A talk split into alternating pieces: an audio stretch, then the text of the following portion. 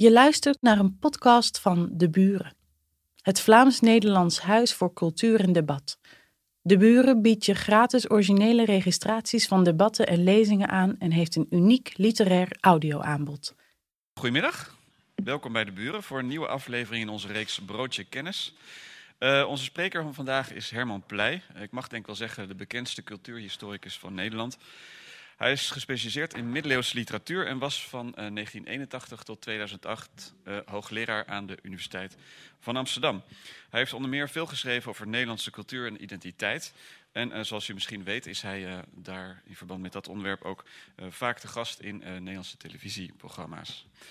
Um, als er één voorbeeld is van een culturele traditie die voor uh, maatschappelijk debat zorgt, is het wel de Sinterklaas-traditie. Die mag van veel mensen niet veranderen. Maar hoe ver gaat die traditie eigenlijk terug en hoe veranderlijk is ze gebleken? Daarover gaat zo meteen de lezing van Herman Pleij. Uh, mijn eigen wat vastgeroeste ideeën over uh, Sinterklaas werden niet alleen op de proef gesteld um, door de discussie over Zwarte Piet, maar ook moet ik me soms vragen stellen over de Sint zelf. Uh, zo bleek toen ik voor het eerst als Nederlander Sinterklaas uh, vierde hier in België, dat er geen pakjesavond is op 5 december, maar dat er een, eigenlijk een pakjesochtend is op 6 december. Dat uh, was even slikken natuurlijk. vervolgens wees mijn Vlaamse buurman er ook nog op dat je eigenlijk op de avond 5 december voor de pakjesochtend een biertje, een flesje bier klaar moest zetten voor Sinterklaas, die blijkbaar erg veel dorst krijgt van het over de daken rijden met zijn paard. Leek mij wat riskant, maar blijkbaar dat ook traditie in Vlaanderen. Um, een paar weken terug vroeg mijn zoontje, uh, hij is vijf jaar, uh, vroeg hij me ook nog of ik misschien uh, zijn verlanglijstje via WhatsApp naar de Sint kon doorsturen. Zodat de goed heilige man wel wist wat hij echt wilde hebben. Dus een groot boek als informatiebron wordt door kinderen vandaag niet meer vertrouwd, blijkbaar. Uh, kortom, hoe veranderlijk is de Sint? Is hij altijd met zijn tijd meegegaan of sukkelt hij een beetje achter de tijdgeest aan? Ik geef graag het woord aan Herman Pleij, die daar alles over weet. Dank u wel.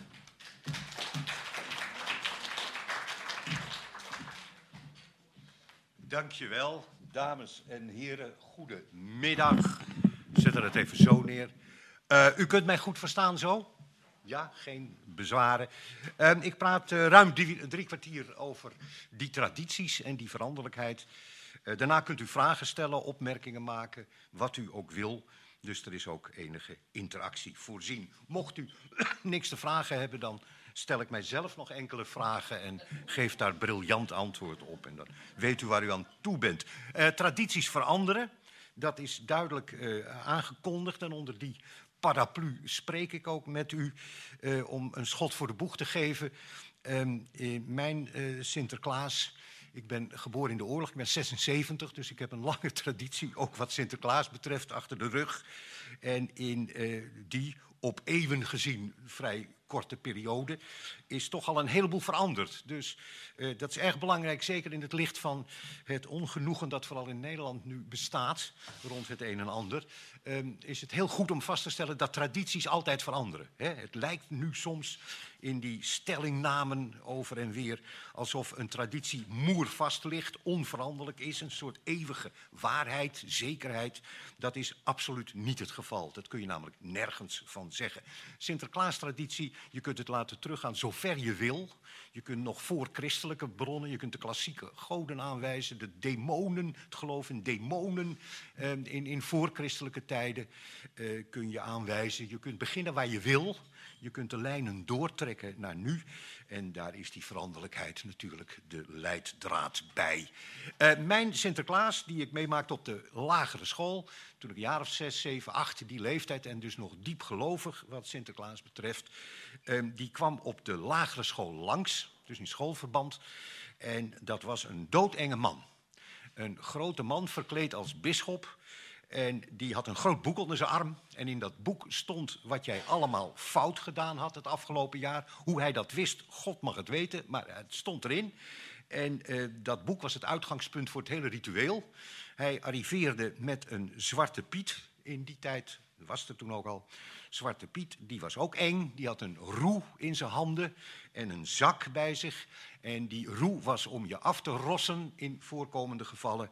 En die zak was niet voor cadeautjes, maar die zak was voor de zware gevallen. De zware gevallen die werden daarmee afgevoerd naar Spanje en die zag je voorlopig niet terug.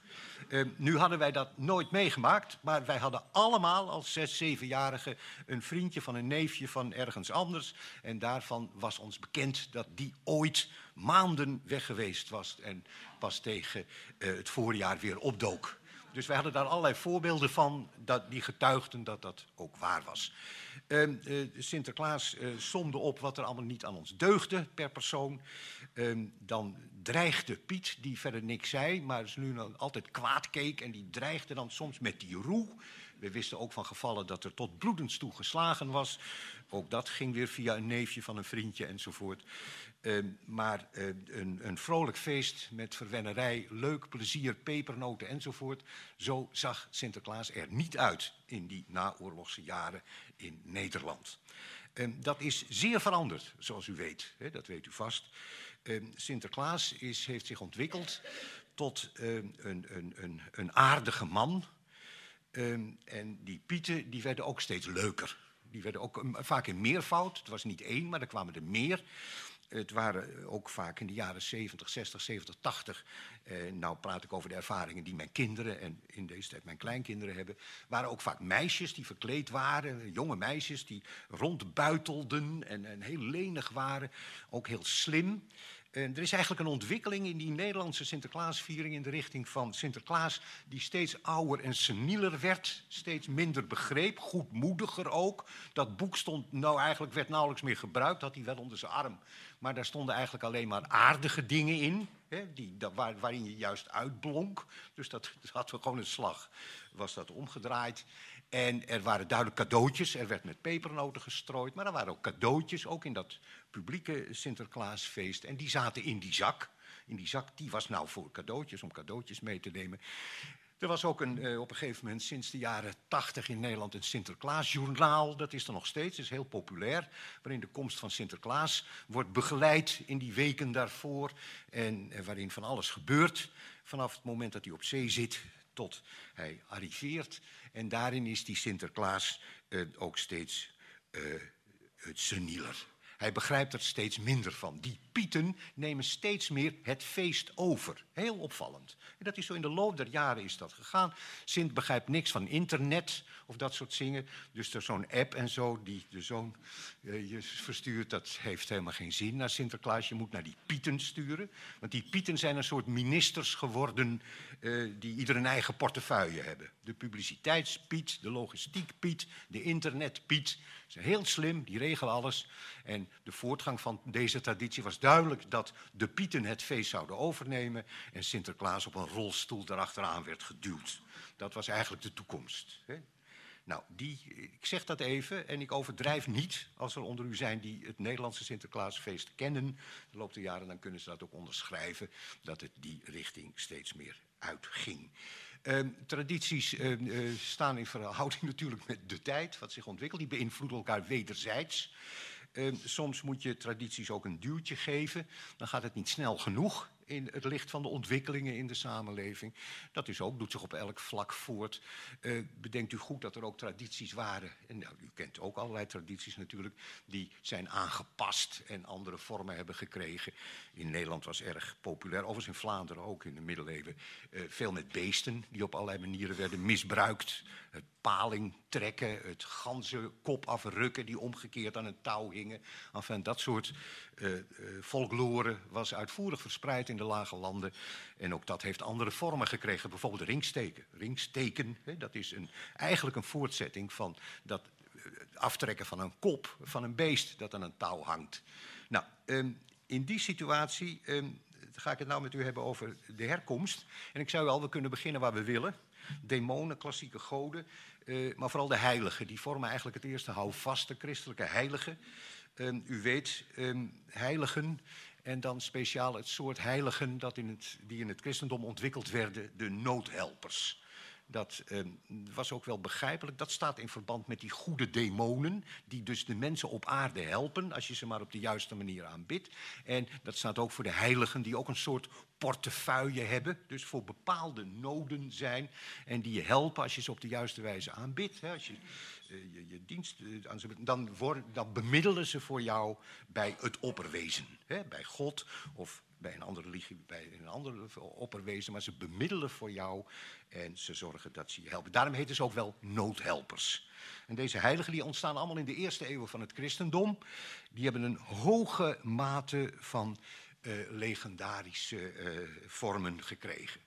Er is eigenlijk vrijwel niks bewijsbaar aan de historische werkelijkheid van die heiligen. Het zijn een soort paspartout-heiligen die worden gefabriceerd en die worden geplakt op een persoon. In het geval van Sint-Nicolaas op de bisschop van Myra. Ja, dat in Byzantium, nou daar is altijd een bisschop geweest vanaf het begin.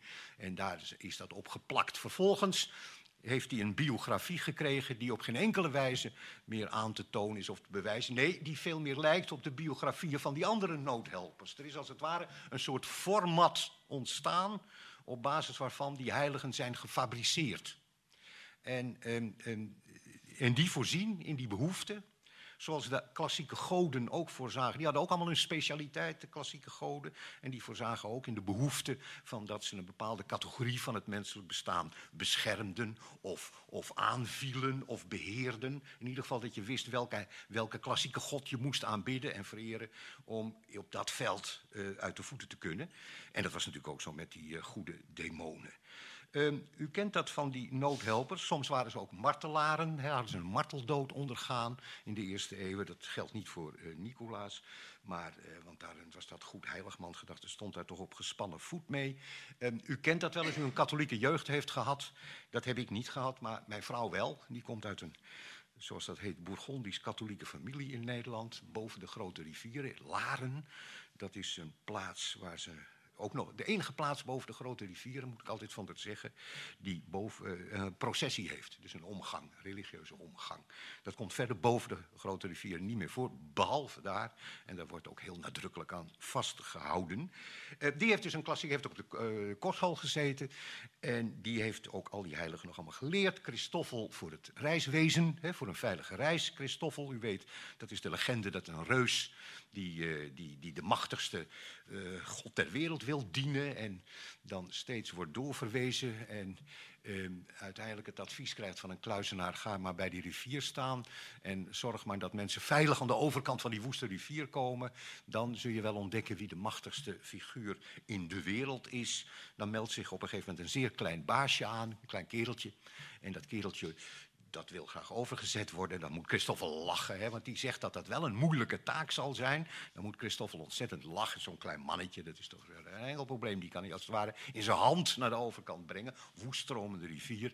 En Christoffel bezwijkt bijna onder de last van dat kleine mannetje die op zijn rug zit. Nou, u weet, hij is toen de, de, de heilige van het verkeer geworden. En zo werd hij ook afgebeeld. Hè, met, het is natuurlijk Jezus, dat kleine mannetje. En dat betekent als je je overgeeft aan Jezus, in de dienst van Jezus begeeft, dat dat een zware last is. Dat je daar veel voor moet doen. Dat je dan je ook moet inzetten. Maar dan word je ook rijkelijk beloond met het eeuwige leven, want hij wordt uiteindelijk veilig over die rivier gezet. Antonius van Padua, dat was degene die aanriep als je iets kwijt was.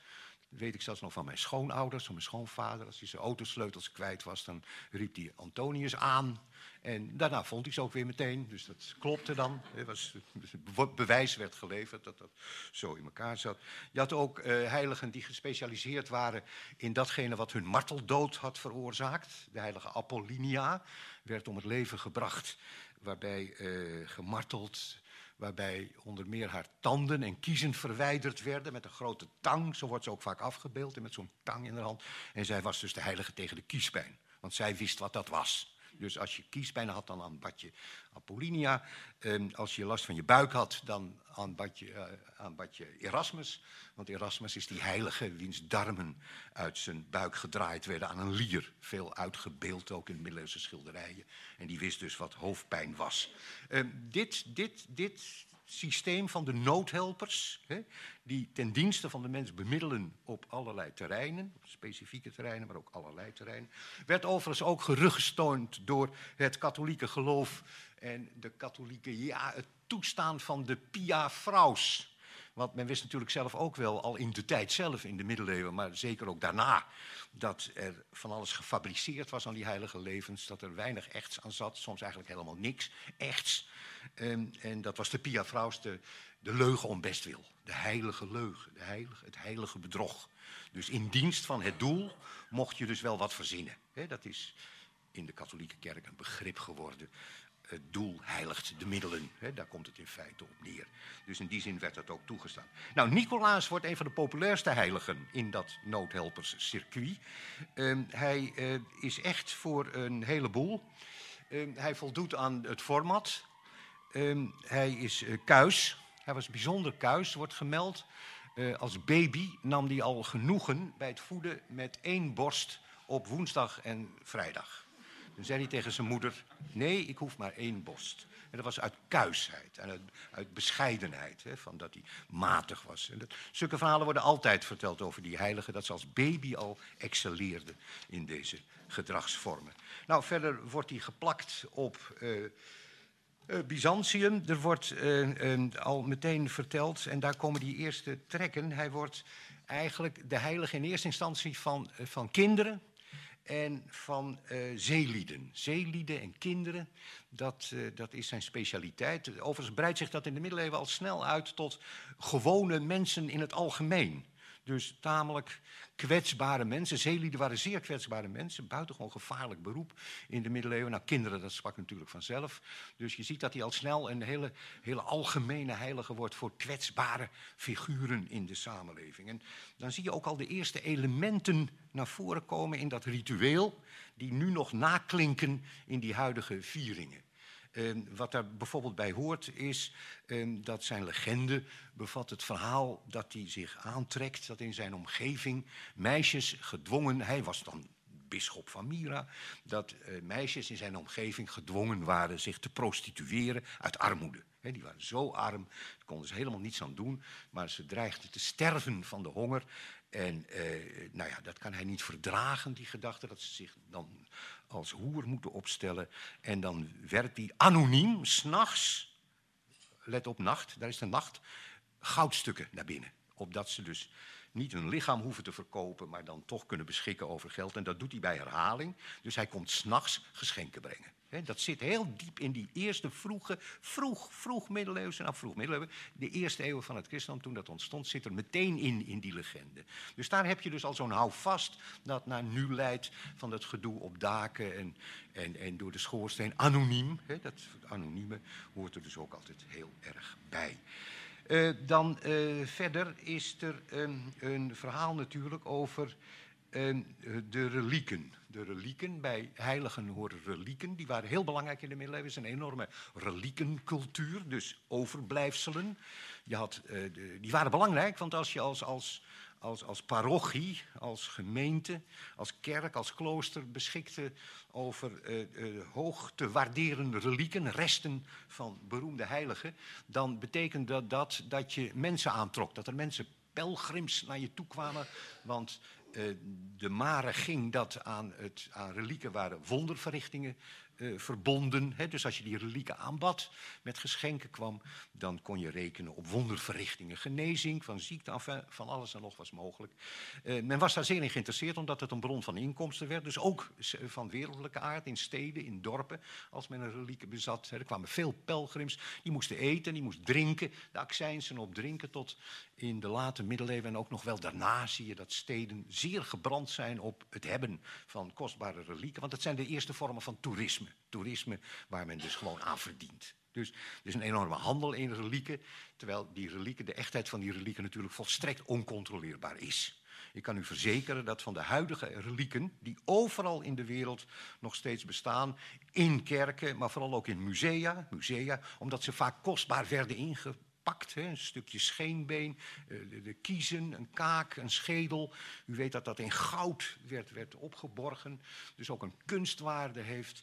Eh, er zijn er dus duizenden en duizenden zijn er bewaard. En dan vooral van de, de grote heiligen heel problematisch, die bijna niks hadden achtergelaten. Ja, Maria was ten hemel gevaren, dus wat was er van Maria? Melk. Er is in de hele wereld wordt als reliek van Maria melk, moedermelk bewaard. Tezamen ongeveer een ton, geloof ik, eh, aan, eh, waar je een, een, een, een kinderweeshuis van honderden kinderen tot in alle oneenigheid kunt voeden. Dat de, de, de, echtheid die altijd op certificaten erbij zit, in de middeleeuwen gemaakt, he, een echtheidscertificaat. Uh, ook die van Jezus waren heel erg geliefd, want er zijn, nu worden er zeven voorhuiden van Jezus bewaard. Want dat was ook ongeveer het enige wat van hem op aarde is gebleven. Hij is besneden, zoals u weet, de besnijdenis. Dus er zijn zeven grote kerken. Aken, Antwerpen, Antwerpen ook, onze lieve vrouwenkathedraal. Die beweert dus ook de echte voorhuid van Christus te hebben. Die kunt u, die is er hoor. Daar moet u wel ernaar vragen. Maar... Ik wil iets niet openlijk, ge, maar u moet er naar vragen. Dan moet u het ook keurig doen, want anders wordt u eruit gejaagd. Of dan denken ze dat u een engert bent. Maar goed, die wordt daar ook uh, bewaard. De, de, de meest goedkope waren de, de, van de onnozele kinderen, de tienduizenden onnozele kinderen. De maagden die bij Ursula in Keulen waren vermoord. Ja, dat waren, die waren op aarde gebleven, dus dat was...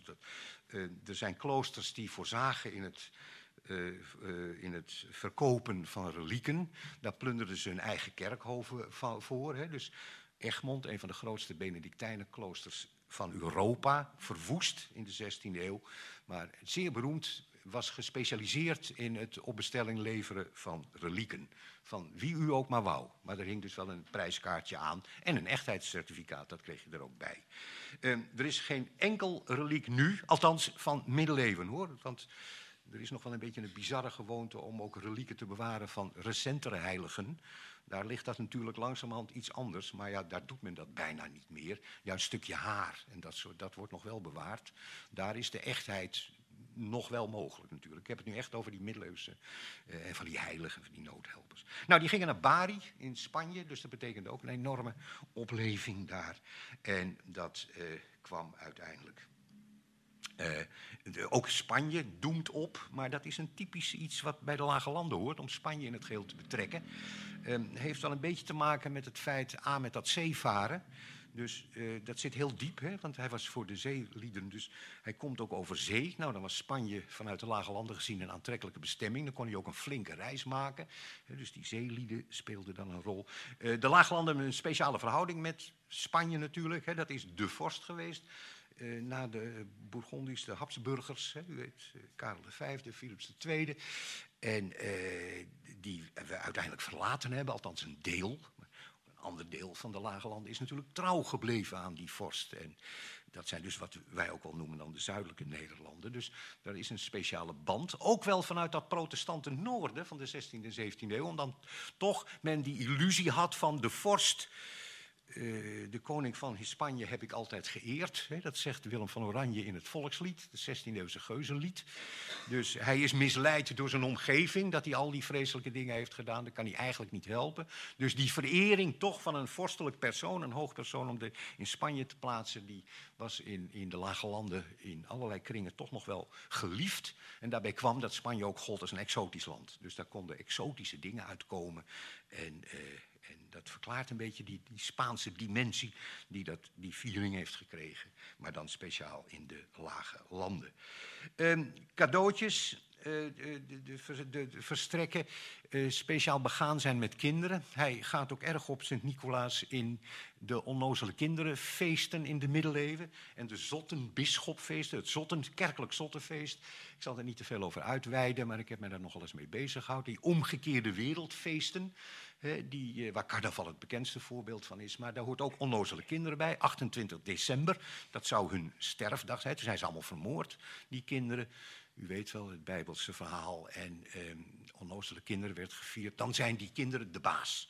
Dat zit ook in het kerkelijk zottenfeest. Eén dag per jaar draait men de hele boel om en dan is het onnozelste uh, koorknaapje mag dan de baas zijn en de bisschop die moet een onnozel koorknaapje zijn. En dan krijg je dus de zottenbisschop, dat is een kind. Een kind is ook zijn vaak afgebeeld. Ook Breugel heeft het nogal eens afgebeeld. Dan zie je de zottenbisschop en die loopt voorop in de kerk. En dan wordt er een parodie op de mis gegeven met falsetstemmen, met gild. Er gebeuren wedstrijden ook, wie het eerst klaar is met het zingen van een hymne. Tegen elkaar opzingen en verder allerlei obsceniteiten. Er is een verslag bekend eind van de 15e eeuw waarin dit soort dingen verteld worden. En op het moment dat ze hun broek moeten uittrekken, zegt degene die het verslag opstelt, verder wil ik niet gaan. Dus wat er toen gebeurde, dat weten wij niet. Maar we kunnen vermoeden wat voor kant dat opging. Dus dat waren taal. En dat u weet, dat werkt als ventiel. Hè? Dat je één dag de zaak opheft, de bestaande orde en de bestaande gewoonte opheft. Dan is een ventielopluchting. En dan kun je daarna weer des te beter terugkeren in de bestaande orde. Wat nou het voornaamste kenmerk is, dat het feest steeds meer, dus die kinderfeesten, waar Nicolaas steeds meer een rol bij krijgt, dat die kinderfeesten onder zijn, bijna onder zijn regie, die zotte bisschop lijkt wel gemodelleerd naar Sint-Nicolaas, dat die steeds meer een reinigingsritueel worden. Een reinigingsritueel waarbij men in het kader van uh, cadeautjes verstrekken toch uh, elkaar schoonwast met satire, dus wat er het afgelopen jaar is misgegaan, wat er, wat er aan fouten zijn begaan door individuen, maar ook door, door, door en dan wel bij kinderen steeds, hè, maar ook door kinderen in het algemeen. Dat wordt aan de kaak gesteld, dat wordt belachelijk gemaakt. Daar uh, wordt, wordt, worden, worden satirische rijmpjes en versjes worden er dan naar buiten gebracht. Dat leidt ook tot charivari of garivari, hoe u dat ook wil uitspreken. Dat is die alternatieve rechtspraak door jongeren uitgeoefend aan het eind van de middeleeuwen. Zeer populair in Vlaanderen, Brabant, 14e, 15e, 16e eeuw. Jongeren krijgen dus het recht uh, maar dat is geen formeel recht, maar dat is informeel de kans om bepaalde dingen aan de kaak te stellen in de gemeenschap. Ze drijven de spot met bejaarden die een jong meisje hebben getrouwd. Ze drijven de spot met iemand vanuit een andere plaats, een andere gemeente, die een van de meisjes in hun gemeenschap heeft gepikt. Hè, die daarmee mee, mee getrouwd, een verhouding mee begonnen is. En daar worden de bonenstruiken verbrand voor de deuren van die mensen. Ze worden soms op een mestkar geplaatst, belachelijk gemaakt. En, en dat is een soort genoegdoening. En die mensen kunnen dat afkopen met geld en met drank. En, en dat zijn dus hele rituelen die ook een schoonwaselement in zich hebben. En informeel zijn. Dus die horen niet bij het officiële recht. Die worden gedoogd omdat ze dat reinigende effect op een gemeenschap hebben. Als je de problemen die in een gemeenschap zijn gegroeid aan de kaak stelt, belachelijk maakt, maar er ook om lacht en eet en drinkt en noem maar op, dan heeft dat een, een, een, rituele reiniging tot gevolg die uh, sociaal gezien heel nuttig is voor een gemeenschap. Hè. Dan, is het, dan is het opgelost, dan kun je weer opnieuw beginnen. En daar uh, gebruik ik nu dat punt bij, en dat is vind ik eigenlijk de, de, de essentie die naar die moderne Sinterklaasviering gaat. Waarom nou uitgerekend deze middeleeuwse rituelen, veel met omgekeerde wereld van doen, veel met geschenken, bezweren, reinigen te maken hebben, steeds onder de vlag van onder meer Sinterklaas, niet alleen Sint-Nicolaas. Waarom nou uitgerekend deze rituelen rond Sint-Nicolaas in de protestante noordelijke Nederlanden vanaf de 16e eeuw zo'n succes hebben. En daar eigenlijk het, het bekendste en belangrijkste volksfeest zijn geworden. In dat protestante noorden. Hoe kan dat nou? Want dan zou je verwachten dat het dan juist nog in het katholiek gebleven zuiden, hè, dat het zich daar zou voortzetten. Wat het ook doet, maar niet op een, op een, op een uh, over, overweldigende manier. Hè. Maar dat nou uitgerekend in dat protestante noorden, vanaf de 16e eeuw, vanaf de republiek, dat feest steeds belangrijker wordt en steeds algemener gevierd wordt. En dat is heel intrigerend. En om een schot voor de boeg te geven, eh, dat heeft veel te maken met het feit dat dit feest eh, eigenlijk een vervanging wordt van het katholieke systeem van schuld, boete doen en weer beloond worden en met een schone lei kunnen eh, herbeginnen. En dat heeft het protestantisme niet. U weet, het protestantisme verzet zich en daar komt het schisma in de 16e eeuw vandaan tegen deze, deze katholieke visie op hoe je je ziel kunt schoonwassen, ook op aarde steeds protestantisme denkt alleen maar in genade, genade die je kunt krijgen, maar waar je zelf geen invloed op kunt uitoefenen. Is alleen genade.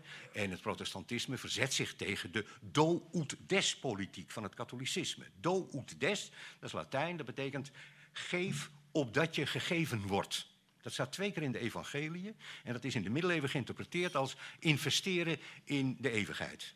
Als ik maar op aarde op de juiste manier investeer door goede werken. Door armetafels te stichten, door donaties te doen, door van alles en nog wat. Nou, de zeven goede werken en nog veel meer.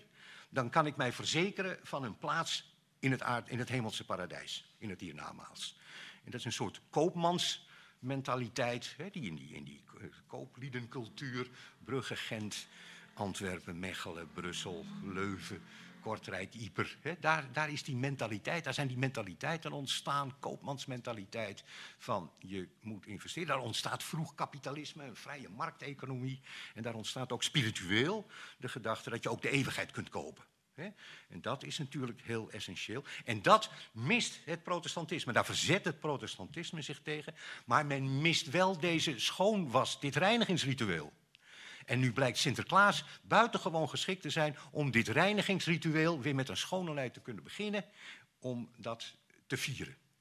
Onder naam van Sint-Nicolaas. Dus het is een vervangend, vervangend schuldboetesysteem. Dat nu als eerst kinderfeest en nu als vrij algemeen feest. Want dat is dus kenmerkend voor Nederland.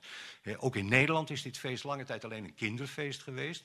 Maar het is steeds duidelijker uh, pakket, pakket, pakketjesavond. Het is steeds duidelijker geworden, zeker na de Tweede Wereldoorlog, dat het een feest was waar volwassenen nadrukkelijk aan deelnamen. Dus een feest niet alleen voor kinderen, maar ook voor de volwassenen in gezinsverband. Want dat er zo'n behoefte was aan zo'n soort feest in dat protestante noorden, dat, dat, dat toont zich door de hardnekkigheid waarmee men daar in dat protestante noorden vormen vindt die voor de overheid acceptabel zijn. Want aanvankelijk wordt het verboden. Zoals alle katholieke feesten, hè, eh, omgangen, processies, wat je ook aan katholieke feesten had, de heilige dagen, alle feesten daaromheen, werd verboden. Hè, dat mocht niet.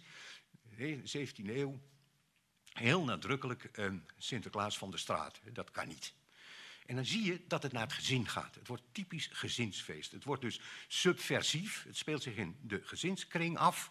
Ja, daar kan de overheid zich niet mee bemoeien. Die wil zich daar ook helemaal niet mee bemoeien. die, laat maar, als, ze dat, uh, als dat zo louterend en reinigend werkt, laat het dan daar ook maar plaatsvinden. En je kunt dit vaststellen, want het is verder helemaal niet geheim. Al bestaan daar geen officiële uh, gegevens over natuurlijk, maar wel allerlei aanwijzingen en, en uh, berichten. ook in dagboeken, nou, verder wordt op allerlei manieren verteld. Maar ook in de schilderkunst. Kijkt u naar de schilderijen van Jan Steen protestante schilder, groot, een van de grote Gouden Eeuw schilders.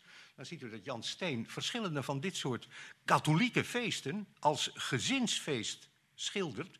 Soms in twee varianten zelfs. Dat is wel heel opvallend. Hij, hij de Drie Koningen bijvoorbeeld.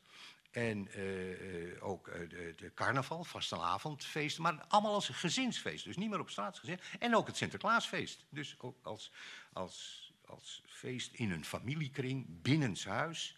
Ook drie koningen. Met, één heeft de koningskroon op zijn hoofd. Hè, dat is ook zo'n katholiek feest natuurlijk.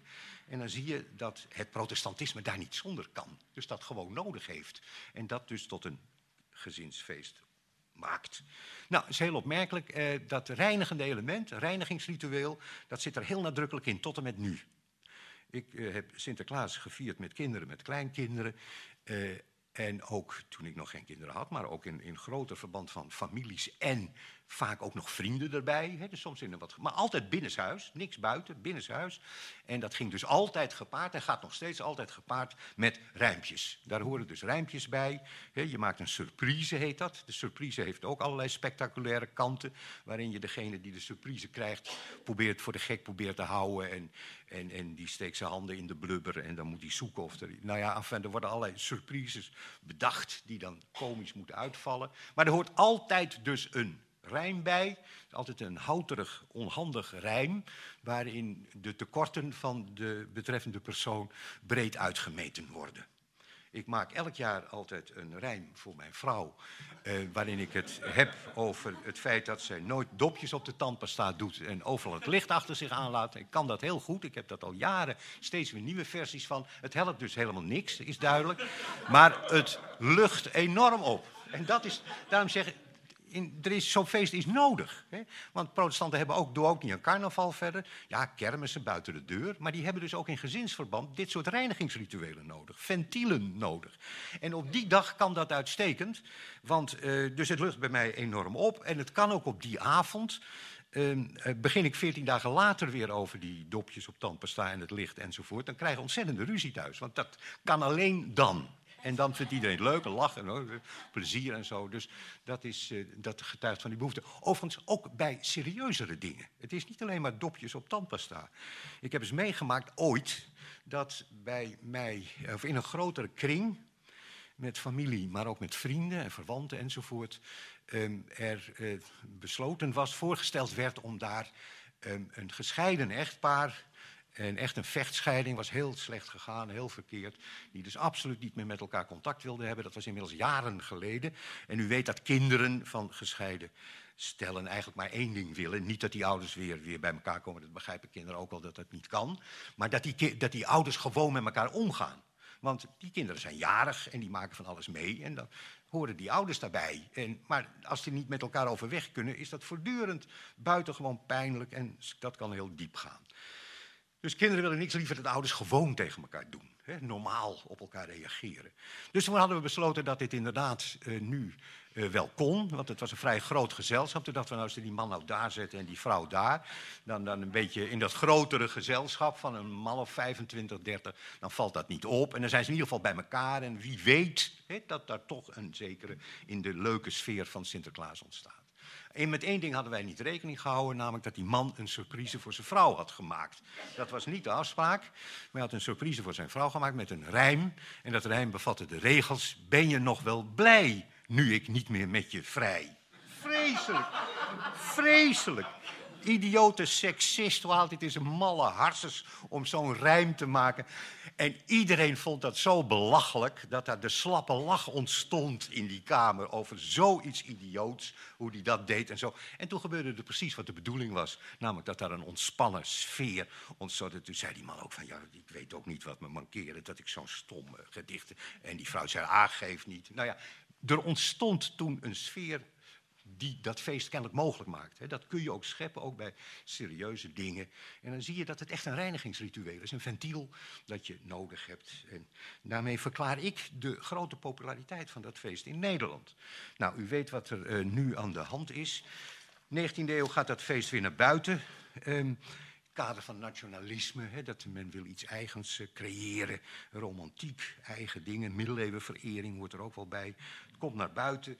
Um, de, de, de, de, boek, roe, de zak, Spanje, dat worden elementen die uh, daar een vast onderdeel worden. Dus soms in het begin nog in die rigide sfeer. En daar duikt ineens Zwarte Piet op. Die is vrij recent. Dus tenminste, als je op al die eeuwen kijkt, is dat vrij recent. Namelijk uh, het midden, circa 1850. Circa 1850, kinderboeken, is niet precies vast te prikken waar die nou is, maar dan ook op straat. Want het feest gaat weer op straat, zoals alle die feesten die in die gezinssubcultuur van die gezinnen zat. Dus voor een deel weer naar buiten komen. Ook het carnaval. Zij het aarzelend, Maastricht in Nederland, Maastricht, Den Bosch. Pas in de loop van de 20e eeuw ook andere steden. Maar Sinterklaas komt dus ook naar buiten. En daar duikt dan die Zwarte Piet op. En de vraag is dus waarom? Waar komt die Zwarte Piet vandaan? Waarom is die nodig? Daar is een verklaring voor, dat is ook mijn verklaring. Um, dat uh, God, uh, uh, Sinterklaas, die overigens even terzijde, um, in de 17e eeuw heel nadrukkelijk Sinterklaas gaat heten. Dat was een poging van dat protestantisme om dat directe heilige katholieken de, onzichtbaar te maken. Sint-Nicolaas, als je er Sinterklaas van maakt. En dan is er bovendien een associatie met de naam Klaas. Het is een zeer bekende Hollandse naam. Klaas. Dus daar werd ook gesuggereerd van dat heeft niks met heiligen te maken, maar gewoon met boerenlullen als Klaas. Hè, dat is gewoon Klaas nou. Dus dat was wel een poging om dat heilige er een beetje vanaf te nemen. Maar hij bleef natuurlijk in bisschopsgewaad, dus wat dat betreft was het zeer oppervlakkig. En die Sinterklaas die op straat komt eh, en in de gezinnen blijft, want daar blijft het zwaartepunt altijd liggen, maar hij komt nu ook op straat. Die Sinterklaas die is dus de tuchte, dat is die boze Sinterklaas die ik als kind ook nog heb meegemaakt op school, die je dus kapittelt om van alles wat jij verkeerd hebt gedaan.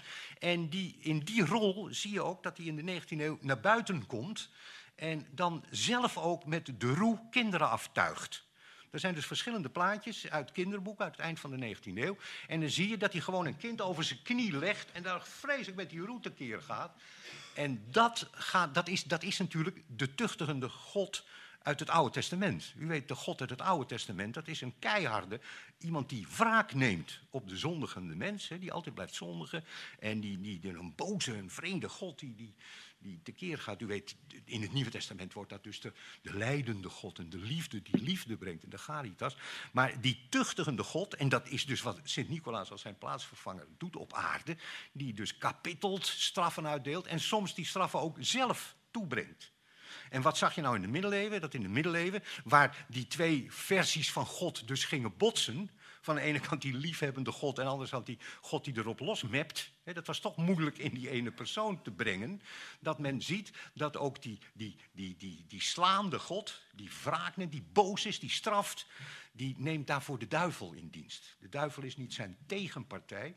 De duivel is dus vaak de knecht van God die voor hem uitvoert, straffen uitvoert die hij zelf niet meer ter hand neemt. Want dat botst te veel ook met zijn goede karakter.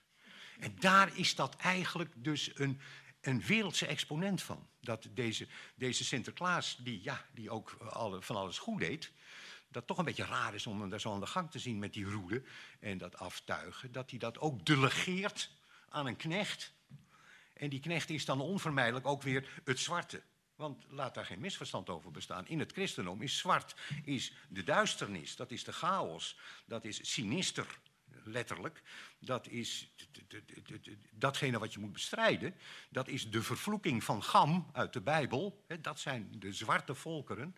Dus eh, in die zin is het geïnspireerd.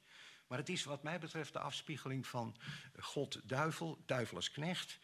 Nicolaas die Zwarte Piet ernaast. En die dus de rol krijgt om het aftuigwerk te doen. Dat Sinterklaas nu zelf niet meer ter hand neemt. Want dat botst te veel met zijn goed heiligman imago. Nou, dat, uh, uh, dat, dat uh, heeft in onze tijd, waarin alle tijden veranderen, en ik sluit nu af, dat heeft in onze tijd geleid tot allerlei botsingen, vooral in de recente tijd. En dat is ook heel goed te begrijpen. Want je kunt dus eindeloos uitleggen aan mensen die deze culturele tradities niet delen. Dus nieuwkomers in de samenleving. Ehm, eh, maar ook, ook mensen die de traditie wel delen, maar toch ook in de tijd meegaan en uh, tot dat uh, besef komen van uh, en een sterker besef en steeds meer vragen erover hebben over koloniaal verleden, over slavernijverleden, al dat soort zaken. Maar vooral nieuwkomers, die kun je wel van alles uitleggen en zeggen dat komt daar vandaan, demonengeloof en klassieke goden en noodhelpers, christendom enzovoort. Waarbij dat zwarte element in de 19e eeuw natuurlijk toch, hoe dan ook, een, een, een, een opvatting weerspiegelt van het christendom over zwart. Eh, maar die kun je dat allemaal wel uitleggen. En dan kun je ook nog zeggen van, ja, en als wij nu zwarte pieten hebben... die dus nu over het algemeen hele leuke, leuke types zijn... die heel leuk doen en grappig doen en allerlei aardige dingen brengen... Eh, dat kun je allemaal wel uitleggen, maar als zij zeggen van... ja, dat zal allemaal zo, wel zo wezen, maar ik zie wat ik zie... en wat ik zie is een ridiculisering van een zwarte persoon... en iemand die een kleur heeft die op de mijne lijkt... En daar kan je wel van alle verklaring voor hebben, maar ik zie wat, nu, wat ik nu zie. En dat vind ik kwetsend. Dus wat dat betreft hebben mensen die zo'n reactie hebben, wat mij betreft, zeker een punt. daar kun je niet omheen. Dan kun je niet zeggen van ja, maar we bedoelen het niet zo. Nee, dat gaan ze ook wel vanuit dat we het niet zo bedoelen. Maar Um, overigens ligt de oplossing natuurlijk in de sfeer van uh, je moet de traditie een handje, een duw, duwtje geven. Die moet je dus meer duwen. Dat is nu wat overal gebeurt trouwens in Nederland. Dat men uh, roetveegpieten en weet ik wat voor. en, en, nog die leuke kleren. Want die kleren, hebben natuurlijk veel te maken met ja, Spanje en een moor. Dat Spanje dat kwam zo nadrukkelijk naar voren in de 19e eeuw. En dan had men daar ook de inspiratie van een moor en die kleren. Dus die wijze. Dus je moet het een duwtje nemen en daarop die uh, geven. En daar, daar komt iets bij, en dan sluit ik echt af, en dat is het toenemende probleem van de identiteitspolitiek. Want dat versterkt dit probleem en dat maakt het ook zo'n heftig conflict. We zitten in een tijd van wat identiteitspolitiek heet. Dat zie je in de hele wereld, in de hele westerse wereld. En dat gaat uit van het besef, de onze goede oude waarden waar onze samenleving op gebaseerd is. In Amerika, in Engeland, in Nederland, waar dan ook. Elk land heeft dat. Het leidt ook zelfs tot die, die opstand van deel, delen van landen, gewesten. Hè, Catalonië, Baskeland, hè, die Tirol, hè, al, al, die minderheden die ook ineens eigen identiteiten steeds hoger opstuwen en een onafhankelijkheid eisen, opeisen op basis van oude waarden. Dat is altijd heel onduidelijk. Eh, bij het gevoel dat onze oude waarden worden gecorrumpeerd en die, die, die verwateren. En, en, dat komt, en daar komen allerlei racistische elementen steken dan het hoofd op. Daar wordt ook duidelijk zo in de richting gewezen van dat zijn die mensen die dat later, die die waarden niet kennen en die ook niet erkennen, die willen ze ook niet erkennen. En wij moeten er dus voor vechten om die oude waarden dus te herstellen en het liefst nog uit te breiden, krachtiger te maken. Ja, dat, maakt het, dat komt erbij en dat maakt het uh, conflict, scherpt het conflict natuurlijk toe. Um, uh, als, als Trump het heeft over want wat die oude, waarden dan zijn, is volstrekt onduidelijk. Dat is een willekeurige selectie uit het eigen verleden. Kijk, je kunt uit je eigen verleden alles halen voor rechtvaardiging van zaken nu. Als Trump het heeft van, een van zijn leuzen was America for the Americans, dan denk je, nou, dan bedoelt hij zeker de Indianen. Dus we geven Amerika terug aan de Indianen. Dat bedoelde hij niet. Hij bedoelde de blanke settlers vanaf de 17e eeuw. Dat bedoelt hij met echte Amerikanen. En nou, Brexit, precies hetzelfde verhaal natuurlijk. Die hebben het altijd over good old England. Daar bedoelen ze zo'n beetje de jaren 50 mee, na de Tweede Wereldoorlog. En de tijd van, van toen alles nog mooi geregeld, een zeer hiërarchisch land zoals u weet. Die prachtige dorpen, die pubs met, begroeid met klimop, die kabbelende beekjes, Oxford, Cambridge. Je wil er onmiddellijk heen als je dat weer voor ogen tovert. Het staat op merkwaardig gespannen voet met al die thrillers en detective-series die de BBC uitzendt. Die spelen altijd in dat soort milieus en dorpen. Maar dan moet je dus er wel rekening mee houden dat er twee keer per week een lustmoord wordt gepleegd en in het weekend groepsverkrachtingen. Dus, dus hoe ze dat rijmen met elkaar, good old England, en dan vervolgens een enorme moordcultuur daar plaatsen en die over de wereld uitzenden, is heel wonderlijk. Maar de, de, bewegingen zijn onmiskenbaar. Alternatieven voor Duitsland. Duitsland zal wieder verdeutschen.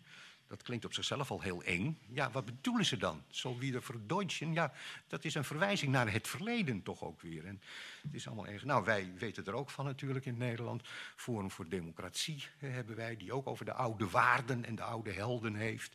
En het boreale zuiverheid. Nou ja, u in Vlaanderen weet er natuurlijk ook alles van.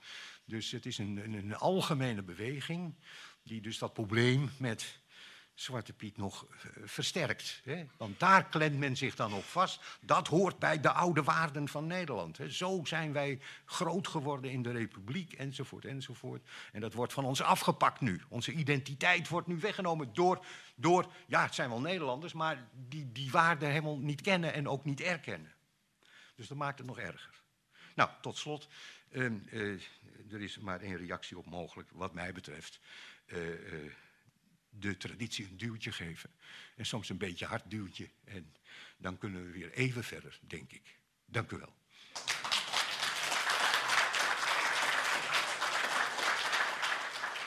Je luisterde naar een podcast van De Buren. Het Vlaams-Nederlands Huis voor Cultuur en Debat. Benieuwd naar ons literaire aanbod? Luister dan ook naar radioboeken, citybooks en andere audioverhalen. Ontdek ons podiumprogramma en al onze digitale producties op www.deburen.eu.